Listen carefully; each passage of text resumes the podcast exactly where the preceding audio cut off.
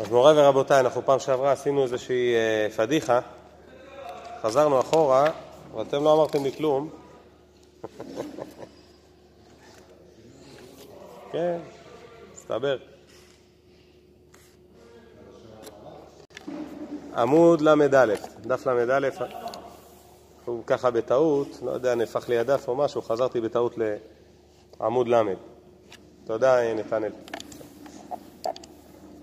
ואני חייב לספר לכם משהו. היום איסרו חג, אשתי לא עבדה, ואני סיימתי לעבוד מוקדם. ניצלנו את ההזדמנות לנסוע לחמותי.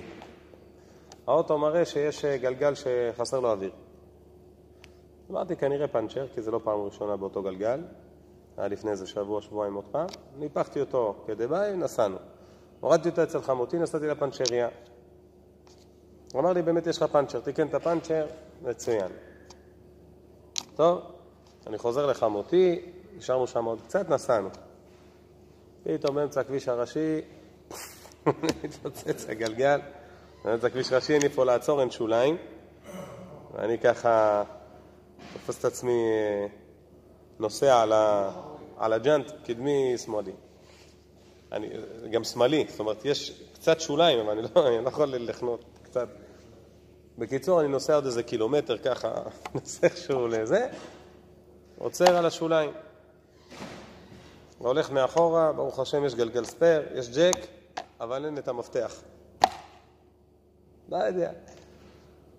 לפני כמה חודשים, כאילו כשקנינו את האוטו, ראיתי שאין מפתח, קניתי מפתח. נעלם. לא יודע מה, מה יש לעשות עם כזה מפתח. לא, עכשיו אני בבעיה, אני באמצע כביש ראשי, הגלגל מפונצ'ר לגמרי, אין לי... יש לי כזה מנפח אה, זה, אבל זה לא יעזור, כי הגלגל גמור, נסעתי עליו שתי קילומטר, הוא כבר אה, נהרס לגמרי. טוב, אני מתקשר לגיסי, שגר קצת קרוב, 20 דקות נסיעה. אני אומר לו, תקשיב, אני צריך שתבוא. בינתיים אני שם את הג'ק ואני מתחיל אה, להרים את הגלגל. אופס, עוצר רכב לידי, סיאט איביזה, שני אגזוזים כפולים עם כל מיני קישוטים ו... טוב, יוצא משם איזה בחור, היה נראה לי ערבי. יוצא משם איזה בחור צעיר, מסתכל עליו, שרשרת, מגן דוד, איזה צדיק, נהוראי בן סימונה.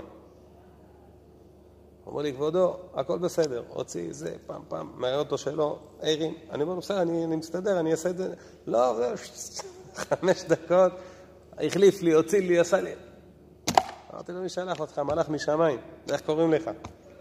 אמר לי, נוראי בן סימון. אמרתי לו, טוב, הערב השיעור יהיה לזכותך. נוראי בן סימונה מעפולה. באמת זה הפליא אותי. אמרתי לו, למה קראו לך נהוראי? הוא אמר לי, הברית שלי עשו אותה אצל רבי מאיר. רבי מאיר בעל הנס, היה לו עוד שם, נהוראי. ובברית שלי שחטו כבש אצל רבי מאיר בעל הנס. חילקו לאנשים שם. וקראו לי ככה נהוראי. אמרתי לו, פלא פלאות, ממש באת לי צדיק מן השמיים. מכיר, מכיר, מכיר. הייתי ליד הצ'ק פוסט. אז הדבר הזה זה, אמרתי, אמרתי לאשתי, תשמעי, אני הולך ללמד שיעור אורחות צדיקים, זה אורחות צדיקים. אמרתי, מה גרם לבן אדם? שאלתי אותו, למה עצרת? עכשיו, זה לא שעמדתי, עצרתי, או שנראיתי חסר אונים משהו, הייתי באמצע להרים את האוטו. הוא לא יודע שחסר לי משהו, סתם בא לעצור כדי לעזור לי. אמרתי לו, למה עצרת? הוא אמר לי, לא יודע, ראיתי מישהו בצד, אמרתי אני צריך עזרה. אני שומע דבר כזה, אני אומר, איך עוד לא בא משיח עם אנשים כאלה? איך, מה, הקדוש ברוך הוא שלח לי את הצדיק הזה? עכשיו, הוא ילד, הוא בן עשרים אולי, אולי עשרים, אשתי אמרה לי פחות, עשרים, עשרים ואחד, לא יודע. מאיפה, מאיפה זה בא? זה מחזיר אותנו ל, ללימוד. הלימוד, כשאתה לומד על עבודת המידות, אתה מפנים את זה אצלך. כמו שאנחנו מלמדים את הילדים שלנו, אנחנו גדלים בתוך בית ש, שזאת האווירה, זה מופנם אצלך לאט לאט לאט לאט. בסוף כשמגיע המקרה, אתה שמה. כי היה לו בדיוק שנייה להחליט. מהרגע שהוא ראה אותי עד לרגע שהוא עצר, זה לא משהו שאתה יכול לתכנן אותו מראש. הוא פשוט, זה, זה אצלו. דיברנו על זה גם בהקדמה ש, כשדיברנו, שרועי קליין, כשהוא קפץ על הרימון, היה לו שנייה אחת להחליט, הוא לא חשב, בוא, זה אולי, זה, לא היה. השנייה הזאת להחליט, אי אפשר להחליט באותה שנייה הכל. אתה צריך חיים שלמים לפני כן, שאתה מוכוון לענייני נתינה, לענייני חסד, ואז כשמגיע הזמן, אז אתה יודע לפעול נכון. ולכן הלימוד שלנו, שהוא במזגן, אנחנו מדברים על ענווה, מדברים על כעס, מדברים על בושה עוד מעט, כל הדברים האלה זה דברים ש... טוב, יופי, תודה רבה, אתה מדבר איתי על ענווה שאני פה במזגן, קל לי. אבל אתה מפנים את זה, אתה מכניס את זה. בסוף כשמגיע המקרה, יש סיכוי שאתה תעשה את המעשה הנכון. לכן הלימוד הזה הוא חשוב מאוד, כי בעצם המטרה של הלימוד היא ההפנמה שלנו של הערכים האלה. דוד, מחילה. אני אבקש ממך כוס מים, מרגיש כבר גרוני ניחר, סליחה. משתמש בכהן, לא עושים את זה. בגלל זה גם לא הגעתי, התפללתי מנחה שם, התפללתי באמצע הדרך, אני לא, לא יכולתי להספיק אה, זה, הגעתי לפה רק לערבית. טוב, אז פעם שעברה דיברנו על זה שמומי הענב, הענב נשכחים. אף אחד לא רוצה לחפש אותו. ל"א למטה, פסקה אחרונה. מה שצריך להרחיק במידה זאת, שלא יהיה ענב ונכנע לפני הרשעים. ועל זה אמר הכתוב, מעיין נרפש ומקור מושחת צדיק מת לפני רשע. ואם יש יכולת בידו, יקום מן הרשעים לכבוד השם, ויחזק תוכחתו נגדם, ויעמוד עליהם כארי נוהם להציל הנגזל מיד הגוזל, ויורה בני אדם עבודת הקדוש ברוך הוא, ויוכיחם בכל כוחו כפי חוכמתו, בתחילה בנחת, ואם לא יועיל יחלימם, ויצווה על הטוב, ויזהיר מן הרע בפיו ובלשונו כפי חוכמתו, וימהר לקחת דיני אלוהים ממי שחייב בהם, ולא ייכנע ולא יישפל בזה. זאת אומרת, עוד רגע נקרא את זה שנית, תודה רבה יעבדוך עמים, תודה רבה. ברוך אתה אדוני אלוהינו מלך העולם שהכל נהיה בדברו.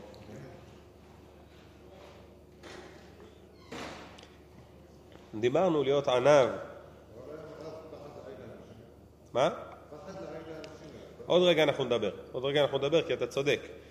גם פחד וגם לא בטוח שזה משהו שאנחנו רוצים בו. אז נדבר מה כן ומה לא, אבל קודם כל על העמדה הנפשית.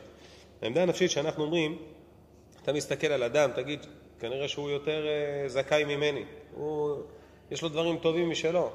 אני, אני עם כל הדברים שיש לי, הוא ודאי צדיק.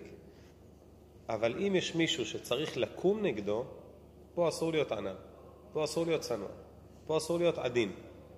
לפעמים צריך לדעת להילחם. אני לפעמים מרגיש שהמצב הפוליטי שלנו בארץ ישראל היא בגלל שאנחנו ענבים וצנועים במקום שלא צריך להיות ענב וצנוע. זאת אומרת, לפעמים קורה משהו ואתה צריך לעמוד על הרגליים האחוריות ולהגיד לא, לא יקום ולא יהיה, לא מוכנים.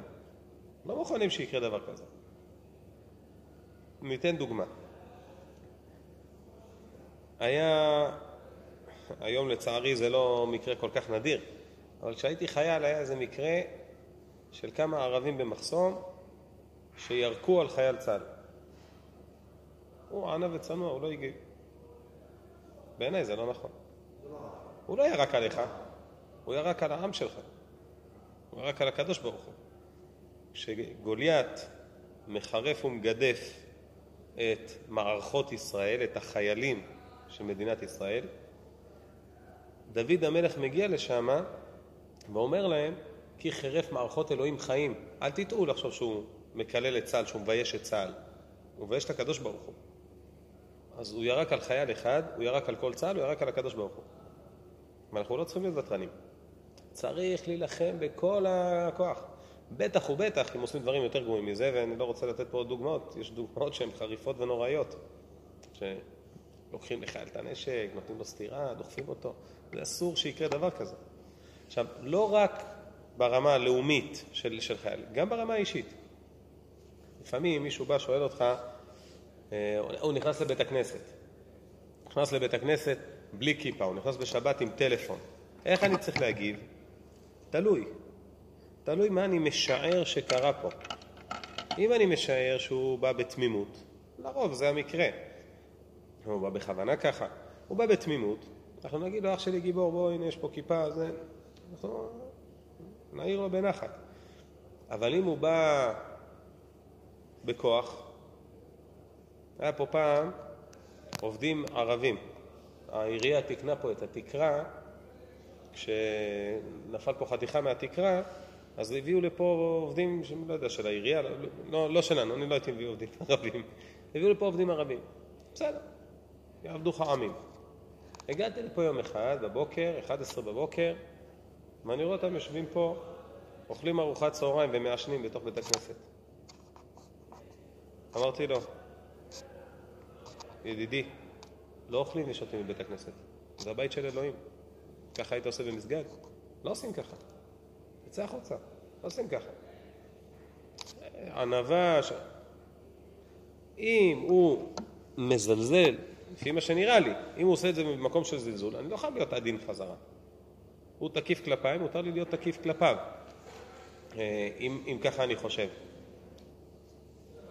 תודה, צדיק.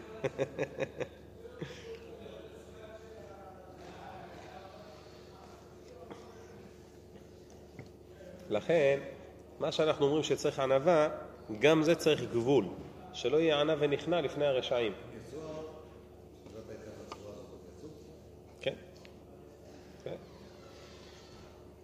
לא יהיה ענה ונכנע לפני הרשעים.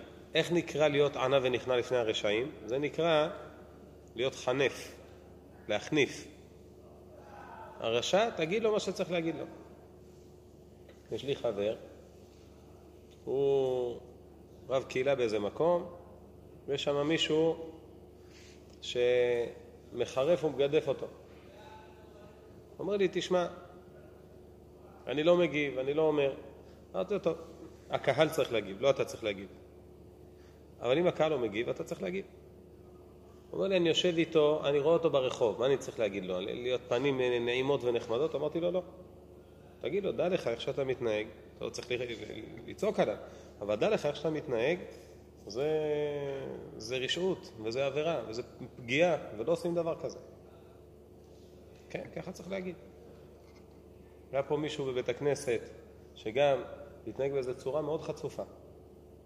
עכשיו, אני לא בן אדם שאוהב את המלחמות. הלכתי לרב יהושע, חיזק אותי קצת, שכשצריך מלחמות אז צריך מלחמות. אז דיברתי בצורה קשה. אז הוא אומר לי, תשמע, אתה מדבר אליי כאילו אז אמרתי לו, נכון, אתה צריך לתקן את דרכיך. אם אתה חלק מהאחריות שלי, אתה פה בקהילה, אני מאוד שמח שאתה מגיע, ואתה צריך לתקן את הדרכים שלך, אז אני אגיד לך את זה. לא להחניף לרשע. זאת אומרת, לא נהיה אלה שמכבסים את המצפון למי שבא אה, לעשות רע. כשאתה מדבר על אה, לגלוש? למשפחה, לדודים, לדברים שאתה אפילו לא מתאר לעצמך. אז מה עשיתי מזה? החטאתי אותו עוד יותר. קודם כל, יש פה, יש פה שתי שאלות שאתה שואל. שאלה ראשונה, האם אנחנו אומרים ביקורת, אה, או איך אנחנו אומרים ביקורת, או מה אני חושש ממה שקורה ביקורת. שאלה שנייה, זה אם הביקורת בוודאי לא תישמע, האם צריך להגיד אותה. בפרהסיה ציבורית, התשובה היא, אנחנו אומרים ביקורת גם אם היא לא תישמע. הרב קוק כותב שיש לזה שלוש סיבות. למה אנחנו מוחים בדבר שאנחנו יודעים שלא יישמע. ניתן דוגמה. נניח שרוצים אה, לפנות את היישוב חומש, ואנחנו מוחים נגד זה, וזה לא עוזר, מפנים אותו. או כמו שפינו את עזה, מחינו, מחינו, מחינו, לא עזר. פינו את חבל עזה, פינו את גוש קטיף. לכאורה זה לא עוזר, אז אל תגיד. כן, אבל יש לזה תועלת ראשונה, יכול להיות שאם לא היינו מוחים, אז זה היה נהיה הרבה יותר. אומרת, לא רק את אה, חבל עזה ואת אה, צפון השומרון, אולי גם היו מפנים עוד אה, מקומות במרכז השומרון. ואם לא היינו מוחים, יכול להיות ש, ש, שזה יותר גרוע. זאת אומרת, לפעמים אתה בולם, בלי שאתה יודע, אתה בולם את השלב הבא. זאת אומרת, כשאני אומר, חבר'ה, אה, אין טלפונים בבית הכנסת, וטלפון צלצל בבית הכנסת, רבותיי, אמרנו בלי טלפונים, מחיתי וזה לא עזר כביכול. אבל הבא בתור, הוא יגיד לעצמו, נכון? לעומת זאת, אם לא אמרתי כלום, הבא בתור כבר מוציא את הטלפון מצלם. נכון? זה... אז לכן, אני גם מונע. הוא מביא שם עוד שתי תועלות, אה, גם מצידנו, שאני לא רואה משהו ואני מתעלם ממנו, וזה משהו שקורה לנו לא מעט. אנחנו כבר מתרגלים לאיזה טרלול מסוים, בסדר, מה אני אעשה? ככה הם. לאט לאט אנחנו מתרגלים לזה שזה נמצא. יש שיטה, ממש שיטה, איך גורמים לדברים מוזרים להפוך להיות מיינסטרים. זה נקרא חלון אוברטון. תחפשו את זה בוויקיפדיה. ממש שיטה סדורה. אתה מתחיל מאיזשהו מושג מסוים ש... שהוא מוזר, נישואים חד-מיניים. העלית את המושג כמשהו מוזר, מתייחסים אליו באופן אה, שלילי או משהו זה, אחר כך אתה מראה שהוא שלילי אבל יש בו משהו, זה. היום זה נהיה שמי שחושב שזה לא בסדר, הוא מוציאים אותו מחוץ לחוק, הוא לא, הוא, הוא, לא בסדר, הוא לא זה. עכשיו, סליחה, מה, מה, אתה חושב משהו, תן לי לחשוב, נכון? אתה סובר שיש סובלנות והכל, זכותי לחשוב מה שאני רוצה, לא? מותר לך לחשוב מה שאתה רוצה, אז למה לי אסור לחשוב? אם אתה כל כך סבלני, כל כך נעים, מוכן לקבל את כולם, תקבל גם את מי שחושב אחרת ממך. זאת אומרת, אפילו לא דיברתי על... אבל בעצם זה יוצר איזשהו, אה, איזשהו מצב שבו באיזה דורסנות ואלימות הולכים באיזה דרך. מישהו כתב השבוע, יש לנו יום אחד בשנה לשישה מיליון אנשים שנהרגו על קידוש השם רק בגלל שהם יהודים. ויש לנו עוד יום בשנה להזכיר את, ה, את חיילי צה"ל שמסרו את נפשם בשביל שאנחנו נוכל לחיות פה בשלום. ויש לנו חודש שלם להזכיר את... מה? ומי שלא מיישר עם זה קו, הורגים אותו. אז אנחנו צריכים להיות ענבים כלפי הדבר הזה? לא. פה צריך מצעד הגאווה. צריך גאווה נגד זה. לא צריך להיות, לא צריך להיות ענבים וצנועים. פה צריך להיות אה, תקיפים. לפעמים צריך להיות תקיפים. לא להתבלבל בענווה והצניעות כשאנחנו רואים משהו רע שקורה. משהו רע שקורה, אל תהיה ענב וצנוע, אל תגיד אני לא מתערב, כן? משה רבנו ענב מכל האדם, הענב הגדול. כשהוא רואה את אה, בנות מדיין שסובלות מהרועים, הוא מתערב, ואפילו כשהקדוש ברוך הוא בכבודו ובעצמו אומר לו, אני אכלה את העם הזה, אני אוציא ממך עם חדש, הקדוש ברוך הוא אומר לו, תשמע, זה התכנון. הוא לא שותק. הוא לא שותק. לא חס וחלילה חס ושלום להגיד שהקדוש ברוך הוא הוא אותה עמדה של, של, של הרשעים, חס וחלילה וחס ושלום. אבל הכוונה היא שאם משה רבנו מרגיש שיש פה איזה משהו שצריך לעמוד מולו, אז עומדים מולו. הענווה היא לא בשביל לסגור אותנו שנהיה לא, פעיל, לא פעילים, לא יכולים, לא מסוגלים להילחם על משהו. כשצריך להילחם על משהו, נלחמים על משהו. לא מחפשים ענווה אה, אה, בלי גבול. ולכן אומר פה הרב, מה שצריך להרחיק במידה הזאת, זאת אומרת, מה שצריך להיזהר ממנו, זה ענווה כזאת במקום שבו צריך, אה, אדרבה, ללכת וזה, לפעמים צריך לדעת איך להגיב, לפעמים צריך לדעת איך להיות אה, חד. אה, אז לשאלתך בפייסבוק, תחשוב מה קורה אם הוא אומר את דבריו ושומעים רק תגובות שהן תומכות בזה. למה? כי מי שאומר תגובה נגד זה, הוא מכסח אותו. דודים ודודות וסבתא וסבתא שלו וזה וזה. מי שנכנס לתוך ה... אין לי פייסבוק, אני לא יודע בדיוק איך זה עובד, אבל מי שנכנס לתוך העולם הזה, הוא רואה רק את הדעה הזאת. הוא אומר, וואלה, כולם חושבים ככה. יש לנו בעיה בסיסית בפייסבוק, זה שהפייסבוק שולח אותך באופן טבעי. האלגוריתמים שולחים אותך למה שמעניין אותך. ממילא אתה חושב שכולם חושבים כמוך, וזה מחזק אותך בדעתך. זה יוצר קוטביות מאוד מאוד גדולה. זה נבחן בארצות הברית, הקוטביות בין הרפובליקנים לבין ה... בין הצדדים הפוליטיים, איפה זה היה לפני 50 שנה, ופתאום מרגע שהרשתות החברתיות נכנסו, הקוטביות נהייתה הרבה הרבה יותר גדולה. זאת אומרת, אתה שואל שמאלני מצוי, אומר לך, אני לא מבין את הימנים האלה, כאילו הם סתומים לגמרי? הם לא רואים את הדברים האלה בעיניים? כאילו מה, אני אומר לך, כולם חושבים ככה, כולם רואים את זה, כל בן אדם שיש לו טיפת שכל מבין את זה מצוין. רק, אני לא, לא מבין את הימנים האלה, הם לא, לגמרי סתומים לגמרי. באמת הם חושבים ככה. והימנים מה חושבים? כי מה שקורה זה שאתה אתה, אתה מכיר רק את עצמך. אתה חושב שבפייסבוק אתה מכיר את העולם הגדול, אבל בעצם הפייסבוק מכוון אותך, הוא רוצה שתישאר שם כמה שיותר. ולכן הוא שולח לך מה שמעניין אותך, מה שקשור אליך. אז אם אתה מתעניין בגידול קישואים, אז הוא שולח לך גם אה, גידול של חצילים, שזה משהו שקרוב, שכנראה זה יעניין אותך.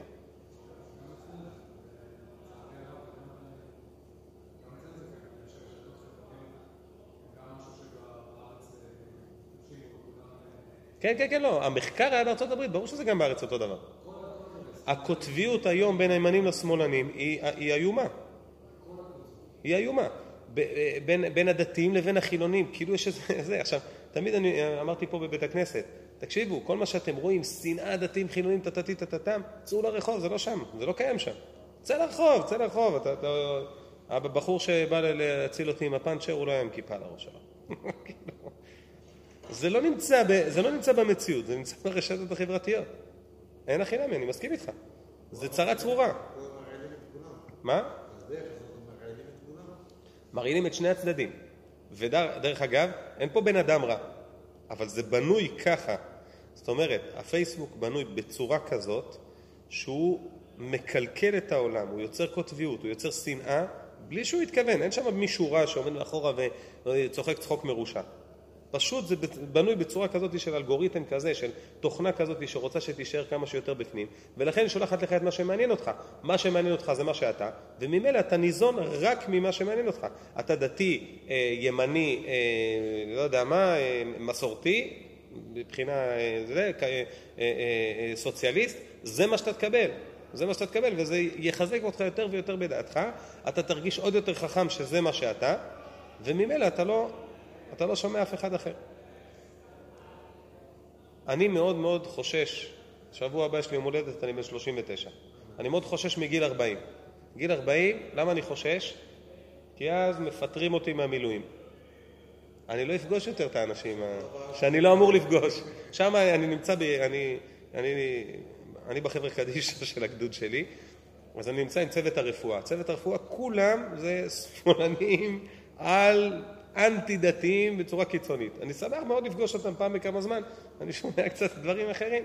אנחנו חברים, אנחנו לא... הם אנטי דתיים, אני אנטי חילוני, מצוין, כאילו, אנחנו מוצאים, יש לי אפשרות לפגוש. אבל אם לא, אז, אז, אז, אני, אז אין לנו את האפשרות לפגוש. לכן, לשאלתך, בפייסבוק צריך לדעת שכשיש לי אפשרות להגיב, אני צריך להגיב. הבוחר יבחר. אני לא יכול להשקיע בזה עד אינסוף. תגובה ותגובה לתגובה ותגובה לתגובה ותגובה לתגובה. כמה אני יכול להוציא מזה?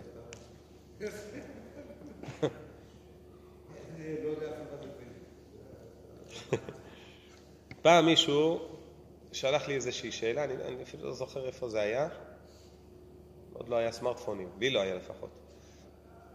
שלח לי איזושהי שאלה, אמרתי לו, אני אכתוב לך תשובה. כתבתי לו תשובה די ארוכה, אומר לי, ברשותך, אני שולח את התשובה לבלוג שלי. תשלח איפה שאתה רוצה, מה אכפת לי? כאילו, אני לא מסתיר שום דבר. זה הקישור. נכנסתי לקישור, הקשו על, הש... על התשובה שלי, הקשו. עכשיו, הקושייה היא שתי שורות, והתשובה שלי היא 30 שורות, 50 שורות.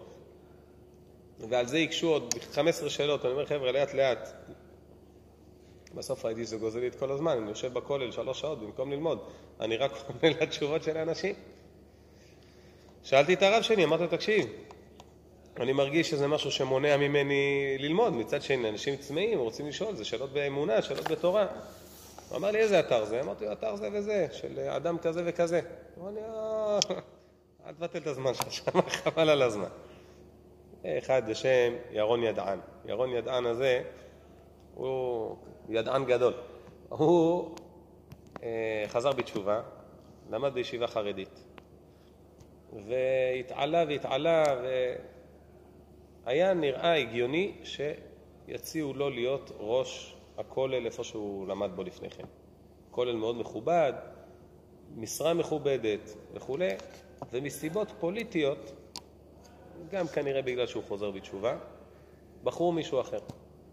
הוא מאוד כעס על העניין, לקח את הדברים שלו ועזב את הכולל, ואת הכיפה השחורה, ואת החליפה, ואת כל מה שקשור. מצא לעצמו מקצוע חדש. מה המקצוע? מדבר איתכם לפני 30 שנה. המקצוע החדש היה הולך לישיבות שחורות, הולך ליד הטלפון ציבורי, שם הבטלנים נמצאים, ותופס שם איזה מישהו, תגיד יש לי שאלה רגע. שואל אותו איזה שאלה באמונה, עד שהיה מבלבל אותו, מוציא אותו מהעניין, היה אומר לו, בוא בוא תצטרף אלינו. יצר איזושהי קבוצה של אנשים שיש להם מספיק ידע כדי להגיד, התורה היא שטויות במיץ עגבניות, כל דברי חז"ל הם הכל רע, הכל וכולי וכולי וכולי. עכשיו הדברים, טוב, לא צריך להגיד שאני, לא, שאני יודע שהם לא נכונים, כי הם דברים שהם, שהם הם בין שטותיים לבין רדודים, בין חוסר הבנה בסיסי. אז השאלה, אני חושב, השאלה הראשונה שהוא שאל, זה למה מותר להרוג קינה בשבת. כתוב בחז"ל שזה בגלל שהיא לא פרה ורבה, שהיא לא מתרבה.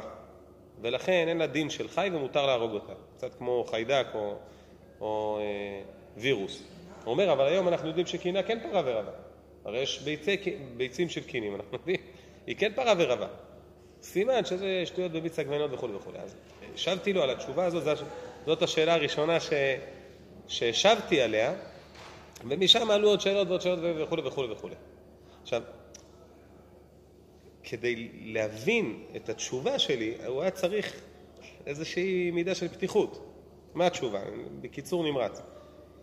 התורה היא תורה של בני אדם.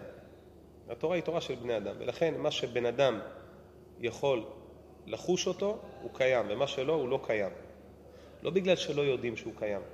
לדוגמה, מה נקרא מים רותחים? לעניין בישול, לעניין uh, שבת, יד סולדת. שאם אתה נוגע, היד שלך בורחת. אתה מבין? המדד הוא מדד חושי, לא רק בזה, בעוד הרבה דברים. חסה, יש בה תולעים, אין בה תולעים. איזה גודל הם? יש אין סוף חיים מיקרואורגניזמים קטנים שאנחנו לא רואים אותם. תסתכל במיקרוסקופ, תראה שם חיידקים וג'וקים אה, פצפונים. מבחינה הלכתית זה לא קיים. אם אני לא יכול לראות את זה, זה לא קיים. עכשיו, האם חז"ל ידעו שיש לקינים ביצים? בטח. זה אפילו מתואר כדבר הכי קטן שהעין רואה. הקדוש ברוך הוא זן ומפרנס מקרני ראמים, מהחיה הגדולה עם הקרניים הגדולות שלה, ועד ביצי קינים. היא יודעת שיש ביצים לקינים. ובכל זאת הם אומרים, הקינה נוצרת מן העפר, מן, מן, מן הזיעה. למה היא אומרת היא נוצרת מן הזיעה? כי בעין שלנו אנחנו לא יכולים לראות את הפריה וריביה שלה, ולכן מבחינתנו היא נוצרת מכלום. למרות שאנחנו מבינים שהיא לא נוצרת מכלום. רק דברים שרואים בעין. תסתכל, אם אתה לא רואה תולעים, אז הכל בסדר. אם אתה לא רואה, הכוונה היא ש, שאתה מסתכל, אתה מסתכל באור, כי לפעמים יש להם צבע שהוא דומה לצבע של החסה. אתה לא רואה אותם רק בגלל שהם נסתרים, אבל לא בגלל ש, שאתה לא יכול לראות אותם. שים אותם על משטח לבן, אתה תראה אותם מצוין. אבל אם הם בגודל כזה שאתה לא רואה אותם, אין החינם, מותר לאכול. אישור שלי, תאכל כל התולעים והג'וקים, אם לא רואים אותם, הם לא קיימים. זה האמת, כי התורה היא תורה לבני אדם. מה? אני עובד להם משפטים, אבל אני אומר, למה כל כך החמירו, אם באמת לא רואים את התולעים? לא, לא, לא, אז בזה לא צריך ב... לא, לא. אבל זה לא נכון, כן רואים את התולעים. כן רואים את התולעים, אבל תולעים שלא רואים, באמת אפשר לאכול. אני אתן לכם דוגמה. אני, כשנותנים לי לבדוק מזוזה, או דבר כזה, יש לי זכוכית מגדלת כזאת קטנה. הזכוכית מגדלת היא רק להקל, אף פעם לא להחמיר. לדוגמה, יש איזה מקום שאני לא בטוח אם יש נתק או אין נתק. אני לא רואה כל כך טוב, העיניים שלי לא כל כך טובות. אני צריך לעשות ניתוח, בעזרת השם עוד מעט, אולי נראה יותר טוב. אבל בכל אופן, אני לא רואה כל כך טוב. אני מוציא את הזכוכית מגדלת ואני מסתכל. אם אני רואה שזה מחובר, פיקס. אם אני רואה שזה לא מחובר, זה לא אומר שזה לא מחובר. כי יכול להיות שבהגדלה נראה לו מחובר, אבל בעין רגילה, כשאתה מסתכל, זה נראה כן מחובר. אז אני הולך לאשתי, אני שואל אותה, לא, זה מחובר או לא מחובר? תגידי שזה מחובר, זה מחובר, גמרנו. אז לכן, התורה היא תורה של בני אדם. היא נועדה לבני אדם, ולכן מה שאנחנו לא יודעים עליו, באמת, לא, לא קולטים אותו בחושים, הוא פשוט לא קיים. עכשיו, את כל זה, אני צריך להסביר בכתב, זה דורש זה דורש הבנה, זה דורש הקדמה לפני כן, וכולי וכולי וכולי וכולי. בסופו של דבר, אם הייתי יודע שהמטרה שלו היא לא להבין את התורה, אני מוכן להשקיע ביהודי שרוצה להבין את התורה, אני מוכן, אבל זו לא המטרה שלו. המטרה שלו היא לנגח, המטרה שלו היא לקחת אותי לצד השני. נראה אותו, אני לא חושב שהוא יכול. אני, לא בגלל שאני עף על עצמי, בגלל שדברים שאני לא מבין, אני לא נבהל מהם. טוב, אז לא הבנתי, אז מה? אז אני אשאל, ואם שאלתי ועדיין לא מבין... כשאני מקבל עליי עול מלכות שמיים, אני אומר שמע ישראל מקבל עליי עול מלכות שמיים, כשאני מקבל עול מצוות, אני מקבל את כל הקומפלקס. ואני מבין שיש דברים שאני לא מבין.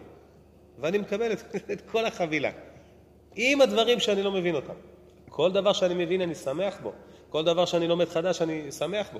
ואני משתדל להבין כמה שיותר. אבל אם לא הבנתי משהו, אז מה? כאילו, אני, תמיד אני אומר, אני אומר לאנשים, תשאל מה שאתה רוצה. אם תשכנע אותי, מחר אני גם אהפוך להיות חילוני כמוך. סבבה? בכיף, תשאל מה שאתה רוצה. אבל האמת שזה קצת שקר, כי אני לא בטוח שזה נכון. כי אם אני לא אבין משהו, אז אני אחקור בו יותר.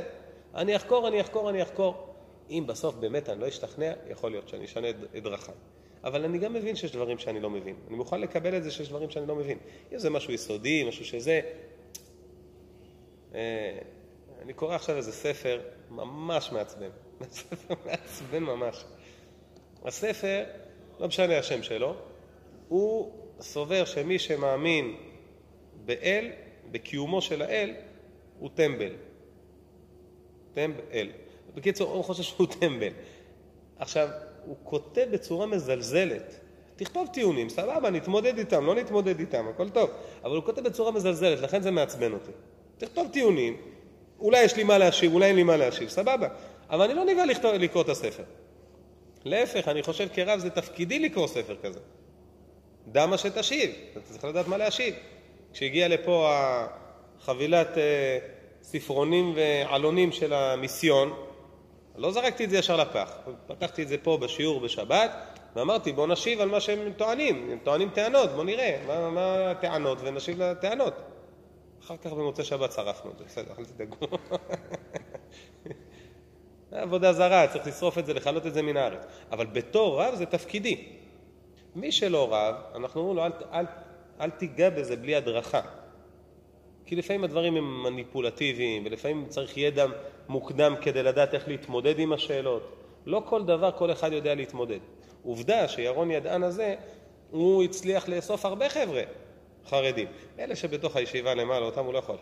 הוא לא יכול עליהם. אבל אליהם הוא לא הולך. הוא הלך ליד הטלפון ציבורי, ליד הברזלים. שתיים בלילה, בטלפון הציבורי, מי שנמצא, אתה יודע שזה מישהו שאתה יכול, אה, אולי, הוא לא למדן כזה רציני, הוא לא כזה חזק, זה, זו הזדמנות כבר לאסוף אותו. בדיוק. עכשיו הוא גם ראש כולל, רק ש...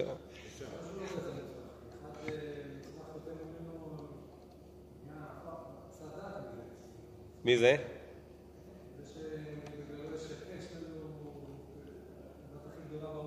כן.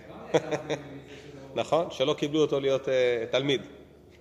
מה שהוא מזכיר. מה, מה? לא, לא שלושת רבעי, כמה? שליש? כמה נוצרים יש? מיליארד נוצרים אני חושב. לא, לא, מיליארד נוצרים. זה שמינית עולם, זה גם הרבה. זה גם הרבה. אבל זה ודאי, זה העולם הכי מפותח. רוב העולם המפותח הוא נוצרי. הודו והמזרח הרחוק ואפריקה, מקומות אה, לא כל כך אה, מפותחים כמו אירופה וארצות הברית וכו'. אבל בכל אופן, ממש מזכיר את הסיפור הזה. ממש מזכיר את הסיפור הזה. דחו אותו והוא הלך והקים, אה, והקים דת. מה, מה?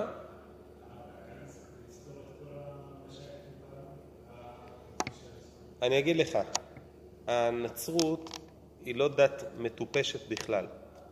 זאת אומרת, זה לא כמו האסלאם. האסלאם, אתה קורא את הקוראן, אה, זה בין, בין מצחיק לבין אה, לא רציני.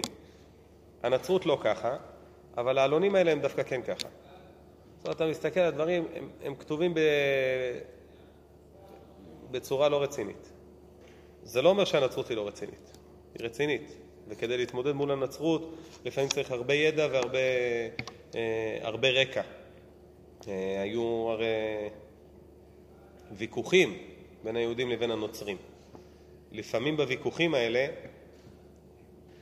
היו שתי אפשרויות. או שנפסיד, בדיוק. או שתפסיד בוויכוח או שתפסיד את החיים שלך. הרמב"ן, הוויכוח המפורסם ביותר, אה, איפה זה, זה נקרא ויכוח ברצלונה, אני חושב. איך? אז, שמה, קטלוניה, כן. לא יודע, בקיצור, ברצלונה. כן, נראה לי ברצלונה. קיצור, ויכוח ברצלונה, קראו לרמב"ן, המלך קורא לו, אני רוצה שתתווכח עם הנוצרים. אמרו לו, תקשיב, הוויכוח הזה אף פעם לא נגמר טוב. אם אני מנצח, עזוב, לא רוצה את הוויכוח. הוא אומר לו, אני נותן לך את דברתי, אתה יכול להגיד מה שאתה רוצה. אז תחילת הוויכוח זה ההקדמה שלו. כיוון שהמלך ירום הודו וטטטי וטטטם וזה וזה ופה ושם, הוא נותן לי להגיד מה שאני רוצה וכולי וכולי, אז אני מרגיש בנוח ואני יכול לדבר הכל וכולי וטטטטטטטטטם.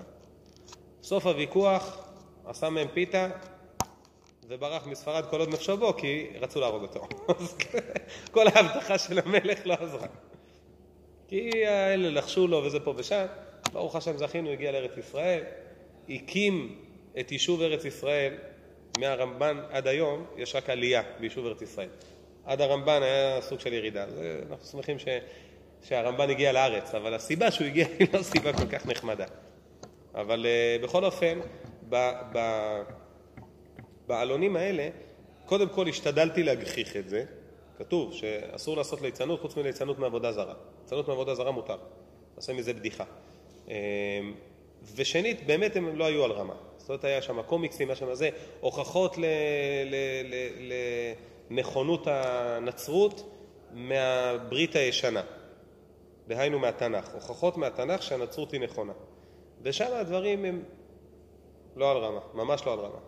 הוכחה זה שנאמר, נביא יקים לכם מאחיכם כמוני. סימן שמשה רבנו אמר נביא כמוני, אז יהיה נביא כמו משה, אז הנה ישו נביא אמיתי. עזוב, זה לא, זה לא רציני. זה לא רציני. לא שהם דברים רציניים, אבל העלון, העלונים הם לא רציניים. אבל, כי הבעיה שלהם זה שהם צריכים להוכיח מהברית הישנה. הרי כשהם מביאים את זה פה לארץ ישראל, בפרט כשהם מביאים את זה לבית כנסת, הוא רוצה לתפוס את הדתיים ולהגיד להם, תשמעו, הדת האמיתית, אתה רוצה להיות דתי סבבה, הדת האמיתית נמצאת אצלנו. בוא אני אביא לך הוכחות אפילו מהספר שלך. אז זה קצת קשה. זה קצת קשה, בפרט שאת ההוכחות האלה אנחנו מכירים אלפיים שנה, כי מהנצרות אנחנו מכירים את ההוכחות האלה. ההוכחות הן אה, עברו כבר אלף דורות שהתמודדו איתן, אתה מבין? אם יושב לך גאון כמו הרמב"ן כדי לענות על השאלות האלה, אז, אז יהיה מאוד קשה למישהו, איזה נוצרי בדור שלנו, לבוא להביא איזה משהו שהוא, שהוא עם כוח. אבל היום אנחנו נמצאים בדור שמחפשים את הלב, והם עובדים בעיקר על הקטע הזה. בעיירות פיתוח וכדומה הם מציעים אה, סיוע למשפחות שמצטרפות לקהילה שלהם. תצטרף לקהילה שלנו, אתה מקבל סיוע 3,500 שקל בחודש. איך מצטרפים לקהילה שלכם? כן. זה קהילה, קהילה, זה קהילה יהודית, זה יהודים, זה יהודים משיחיים. אה, אתה מוזמן לבוא להצטרף אלינו. עוברים איזשהו טקס כזה של הטבלה וזה ופה ושם, הם לא פונים בדרך כלל למשפחות דתיות, משפחות מסורתיות וכדומה. מה הוא אומר? מה אכפת לי? אני מקבל 3,500 שקל. הולך, עושה טבילה לנצרות, פעם בכמה זמן הוא צריך להגיע ל... ללא יודע מה, וזה ופה ושם, ונתפס ברשתן. זה, זה בדרך כלל, דרך הפעולה שלהם היום במדינת ישראל זה, זה בעיקר זה, פחות אה, הקטע הפילוסופי והזה וזה, זה הם, אה, הם, הם לא צריכים את ה... לא צריך את הנצרות, יש את כל רוח המערב שמגיעה מכל מקום, וזה, יש לנו צרות הרבה יותר גדולות. מה? נכון. ויזנב לך כל השנים אחריך. לא. ברמת גן, יכול להיות, אני לא יודע, אבל ברמת גן יותר קשה לפעול, בדיוק. בדיוק. אתה רוצה לפנות למשפחות מפקרות, אתה צריך להציע להם 7,000 אה, שקל, לא 3,500. אז זה, זה משהו שזה, אני, אני לא יודע מה הם עושים פה, לא, לא מכיר, אני רק יודע שהם מדי פעם עושים דוכנים וכדומה, מעבר לזה אני לא יודע. בטוח שזה לא עיקר הפעילות שלהם, כי אחרת היינו מקבלים כל יום עלונים. לא יודע, נראה לי שכן.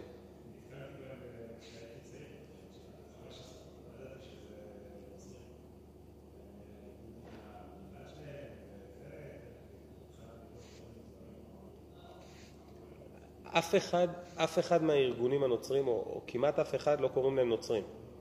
יהודים ישועים, יהודים אה, זה, בני ישראל אה, זה, כל מיני שמות כאלה. מה? לא, הם קוראים לעצמם קהילת אה, ישראל, קהילת, קהילת ישראל. זאת הטענה של הנוצרים, שהם בני ישראל האמיתיים. זאת אומרת שהקדוש ברוך הוא אמר לעם ישראל, תשמעו, מי שהולך אחרי ישו, סבבה, ומי שלא, לא. זה כבר לא קטע גזעני, גזעי. זה לא קשור מאבא שלך ומאימא שלך, זה קשור אם אתה מאמין באותו האיש או לא. ולכן, והקדוש ברוך הוא עזב את עם ישראל הגזעי שיצא ממצרים. יש עכשיו שדרוג. הרי הקדוש ברוך הוא אמר שלא יעזוב אותנו. נכון, אמר, אבל בגלל שהגיע אותו האיש, אז מי שהולך אחריו, אז הוא, אז הוא זה. הקדוש ברוך הוא התחרט. בסדר. לא, זה, ז, זאת סתירת הלחי הכי גדולה לנצרות, כי הבסיס של הנצרות, דיברנו על זה הרבה פעמים, הבסיס של הנצרות, להבין ש, שהנצרות היא אמיתית, ההוכחה הגדולה היא זה שעם ישראל נמצא בשפל המדרגה. זה שהוא נמצא בשפל המדרגה באופן קבוע, זה הסימן הגדול ביותר לכך שהקדוש ברוך הוא עזב אותם ובחר במי שמאמין באמונתו. ולכן, אמ, כשקמה מדינת ישראל זה היה סטירת לחי מאוד רצינית. האפיפיור הראשון הגיע לפה בשנת 1978, נראה לי. 30 שנה לקח להם להודות שיש פה משהו, כי זה סטירת לחי מאוד מאוד רצינית. העולם הנוצרי לא היה מוכן לקבל איזה, כשרצו להקים את מדינת ישראל, הוותיקן היה נגד. מה אכפת לו? מה אכפת לו של... כי זה, זה, זה עומד בשורש, ה... בשורש האמונה. טוב, כל זה, ברחנו לנושא אחר, אבל כל זה היה בשביל להגיד ש, שכשצריך להילחם, אנחנו לא ענבים ולא צנועים, אנחנו תופסים את עצמנו ומכים בשונאינו כשצריך. וגם אם זה לא בשונאינו, וגם אם זה מול יהודי, אם הוא בא ברשע, הוא בא ביד תקיפה, מותר לי להיות יד תקיפה חזרה. לא רק שמותר לי, אני מתחייב, אני מחויב. אני לא נותן שירמסו את הקדוש ברוך הוא. אדם יהיה ענה וצנוע, יבואו יקללו את אבא שלו. יבואו יקללו את אבא שלך. לא, אני ענה וצנוע, אני לא מגיב. ולמקללי נפשי תידום. כן, למקלליך נפשך תידום. לא למקללי אביך. שמקלל את אבא שלך, אל, אל תשתוק. אל תשתוק, תגיב. מזכיר לי סיפור שפעם היה איזה אה, יהודי אחד, זיכרונו לברכה, יצחק גנירם. אבא של הרב עידו גנירם פה מהישיבה, הגבאי של הישיבה, ויום אחד הוא ישב באיזה, בחתונה, וישבו שם כמה אנשים, אז אה, שאלו אותו, איזה גדולי ישראל כבר יש שהיו ציונים? אז הוא אמר להם, הרב ישראלי, הרב קוק, זה. אז הוא אמר, אה! הוא קם, אלו קומתו, נתן לו סטירה. כן, הוא היה כזה חקלאי כזה. לא. עכשיו, היה לי מקרה דומה, אני לא נותן סטירות, אני לא... שילדו, לא תגלה. אני לא... אבל אה, היה לי מקרה דומה של איזשהו... משהו שהיה, איזשהו דיון שהיה פה בבית הכנסת, אני לא יודע אם אתה זוכר, שנכנסו אנשים ולא רצו לצאת. בקיצור, לא משנה, סיפור. הזמנתי אותם אליי הביתה. אמרו לי, טוב, בוא נלך לאיזה רב גדול שיפתור את העניין בינינו. אמרתי להם, בסדר גמור. כן. הם גם מנסים להשתלט וגם אחרי זה אומרים, רגע, יש דין ודברים ביני לבינך. זה... סליחה שזה מה שזה הזכיר לי, אבל באים הפלסטינים, מנסים להשתלט על מדינה לא להם, אז אומרים, רגע, יש פה שני צדדים. מתי הפכת להיות צד? אתה נכנסת לפה לא, בכוח בלי רשותי, אחרי זה אתה הפכת להיות צד. כאילו, אבל אני כבר פה. כן, אתה כבר פה, אז תצא. לא זה נכנסת בכוח, הפכת להיות צד. לא משנה, בכל אופן, אמרו לי, אמרתי, בסדר גמור. יש פה מרא דאתרא, הרב העיר, הרב יעקב אריאל, נלך אליו. אז אחד שם אומר לי, לא, תלמיד חכם רציני. קמתי שם, התחלתי לצעוק עליו, אמרתי, אני מוציא אותך מהבית שלי, תתבייש לך. אתה יכול בכלל לעמוד תחת כפות רגליו. עשר ספרים יש פה בספרייה שהוא, שהוא כתב, אתה יודע מזה? צעקתי עליו. הוא יהודי, מסורתי, הוא לא...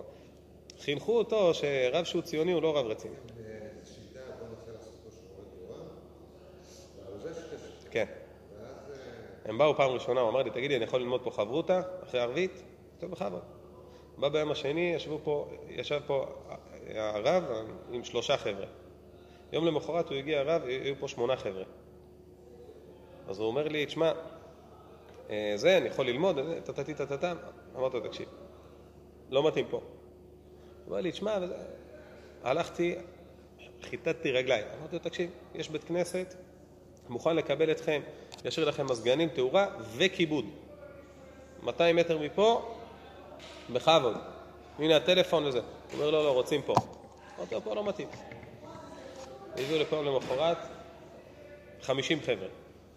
50 חבר'ה. אה, זה מה שהיה פה. זה... אז טוב. אז, אז באותו זמן, אז באותו זמן, אה, יש לי חבר, זה, זה המזל, יש לי חבר שעשו לו את זה בדיוק אותו דבר לפני שלוש שנים. הוציאו אותו. עכשיו, אמרתי לרב יהושע, לו, תקשיב, הרב, מה, אתה שלחת אותי לפה, אני לא בא לריב. מה, זה כאילו, רוצים, ש- שיכנסו, מה אכפת לי? אומר לי, זה יצר הרע, לא עושים את זה. מישהו פה מהבית כנסת אמר לי משהו, אני אומר לך, נפל לי הלב, אני אחרי זה באתי בוכה לרב יהושע על, על, על זה שהוא אמר לי את זה. אומר לי, הרב, מה אתה דואג? אתה תישאר הרב. אולי אפילו אמר לי, יישאר המשכורת שלך, לא בטוח שהוא הזכיר את המשכורת, אבל הוא אמר לי, אל תדאג, לא ייקחו לך את התפקיד שלך. אז בכיתי, אמרתי, אתה, אתה, אתה מבין מה שאתה אומר לי? אמרתי לו, תקשיב, אם הבית כנסת הזה מחר הופך להיות מהסגנון של החבר'ה האלה, אני לפני שהיה בית הכנסת התפללתי בבית כנסת אחר. אחרי שיהיה בית כנסת אני גם מתפלל בבית כנסת אחר. מי שלא יבוא להתפלל פה זה אתה. זה מה שאמרתי לו. אתה, אתה לא תבוא לפה להתפלל. אתה לא תרגיש בנוח. לא משנה, מישהו פה מהקהילה. אה, מהקהילה, לא מה... כן, שלי אריאל. נכון. וגם אמרתי להם, אמרתי להם, לכו לרב אריאל. הרב אריאל יגיד, לא, אני אשאיר לך גם את החליפה, שיהיה לך מה ללבוש בשבת. אני לא פה, אין לי, אני לא פה דבוק לכיסא. הפוך, אני אגיד, אספר לכם משהו שאני לא יודע אם... לא סיפרתי, אבל זה לא בהקלטה.